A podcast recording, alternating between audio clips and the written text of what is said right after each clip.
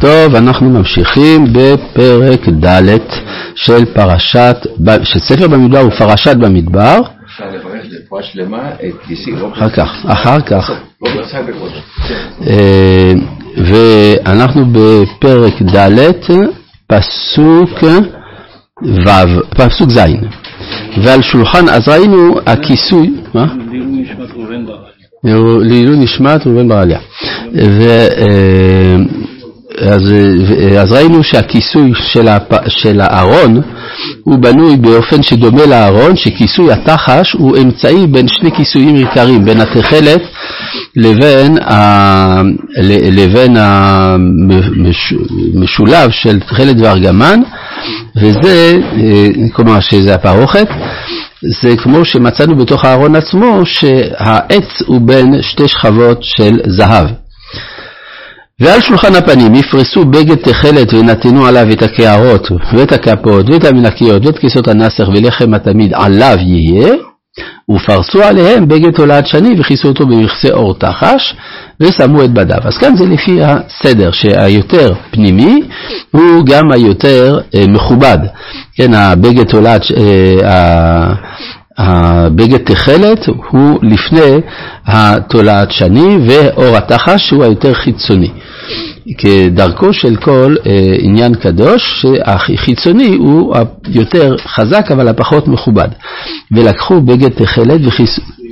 מה, שלושה כיסויים יש? למה שלושה כיסויים? אה, אחד כיסוי פנימי זה מצד הכבוד שאתה נותן, לה, שאתה נותן לשולחן, זה בגד תכלת. על גבי זה אתה שם אה, תולעת שני, זה מצד שאתה רוצה להקיף את הכל, כלומר, לא רק את ה... אה, כי הרי על בגד התכלת שמים את הכפות, אז אין מה שמכסה את הכפות. צריך שהיא, כלומר זה כאילו יש השולחן עצמו ויש מה שמעליו. ועל גבי זה כיסוי הרותחש להגן מפני פגעי מזג האוויר, החול והחום וכדומה.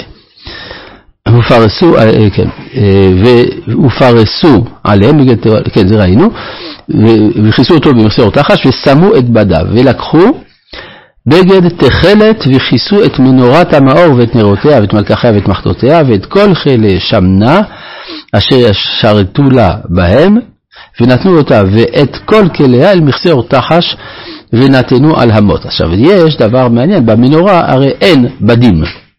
אין בדים, לכן צריך לשים אותה על המות.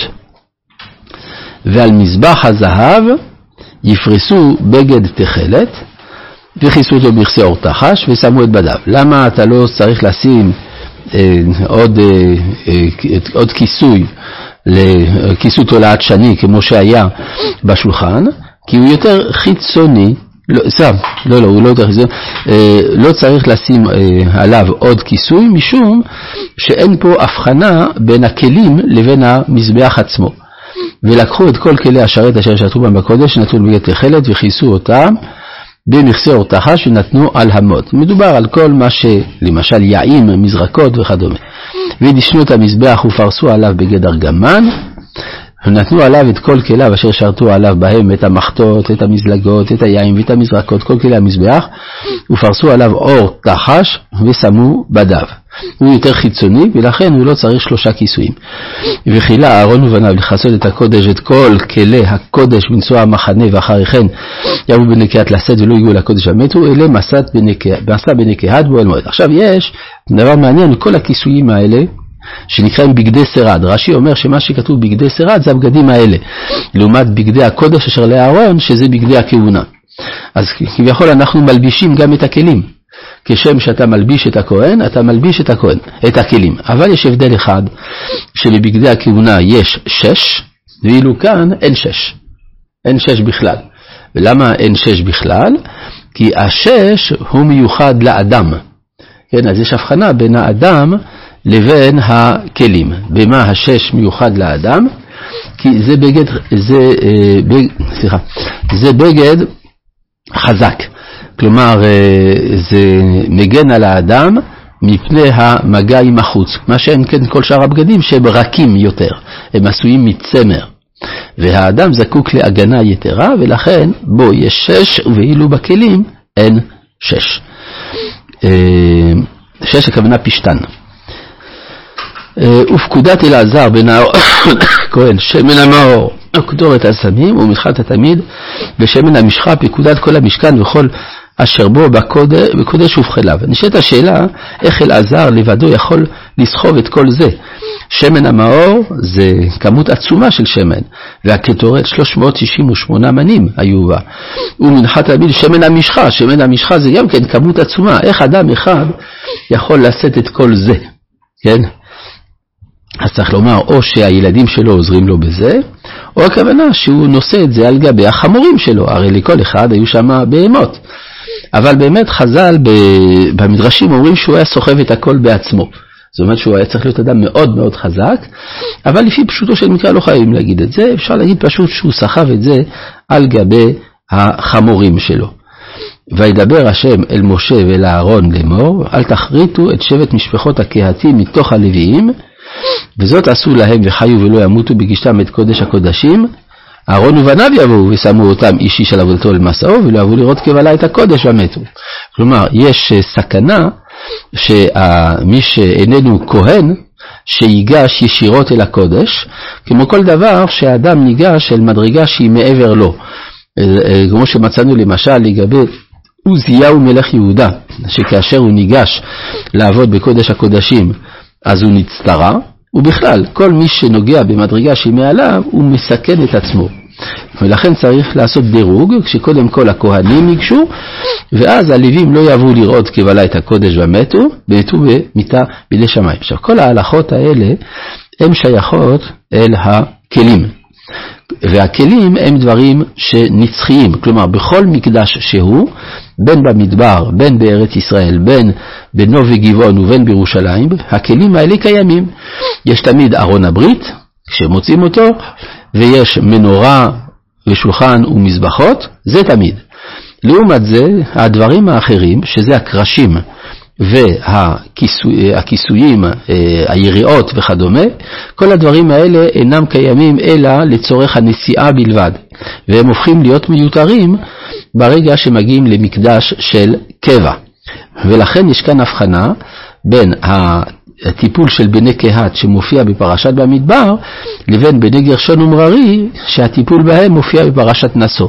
כי לכאורה זה קצת תמוה, שאתה מתאר את העבודה של בני קהת בפרשה אחת, ושל גרשון ומררי בפרשה אחרת, אלא פה אנחנו מדברים על פרשת במדבר, עניינה הסדר שלכתחילה.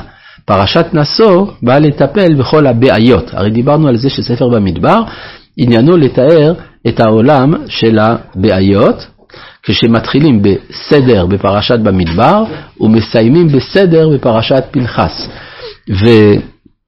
ובאמצע יש את כל הטיפולים, קודם כל של הפרט, אחרי זה של המשפחות, אחרי זה של הכלל, ואחרי זה של ישראל ואומות העולם. זה הסדר של הפרשיות. נשוא בעלותך שלח קורח, וחוקת בלק. אני אפרט קצת יותר. פרשת נשוא מחולקת לטיפול בבעיות הפרט וטיפול בבעיות השבטים. בעלותך אה, אה, קשיים בקשר אל התורה, בשלח אל הארץ וקורח אל העם.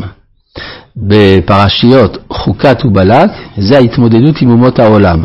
בחוקת בתחום הצבאי-מדיני, בבלק בתחום הרוחני. אחרי שכל הבעיות האלה מטופלות, אז חוזרים אל הסדר בפרשת פנחס ומונים מחדש את בני ישראל. אז לכן פרשת במדבר בהקשר הזה היא פרשה של סדר, בעוד שפרשת נשוא היא התחלת הטיפול בהיעדר הסדר. לכן כאן פרשת בני גרשון מופיע בפרשה שאחרי זה, וזה מה שנאמר כאן. אה, וגם שכחתי לדבר על שתי הפרשיות האחרונות, שזה מטות ומסעה, שהם מעניינם הגמילה מן המדבר וכריתת הברית. כן, כלומר שיש אה, אה, סדר מיוחד לספר במדבר, מתוך כך אפשר גם לגשת לספר דברים, שהוא הכניסה אל הארץ. נכון, זה בדיוק, היציאה מן המדבר. כמו שאתה אמרת, כן, פרשת מסע, זה כמו שציינת יפה, זה היציאה מן המדבר והכניסה לארץ ישראל. כן, זה, וגם פרשת מטות, שזה הסדר של, ה, של מה שקורה בארץ ישראל, רבי חנניה בן הקשיא אומר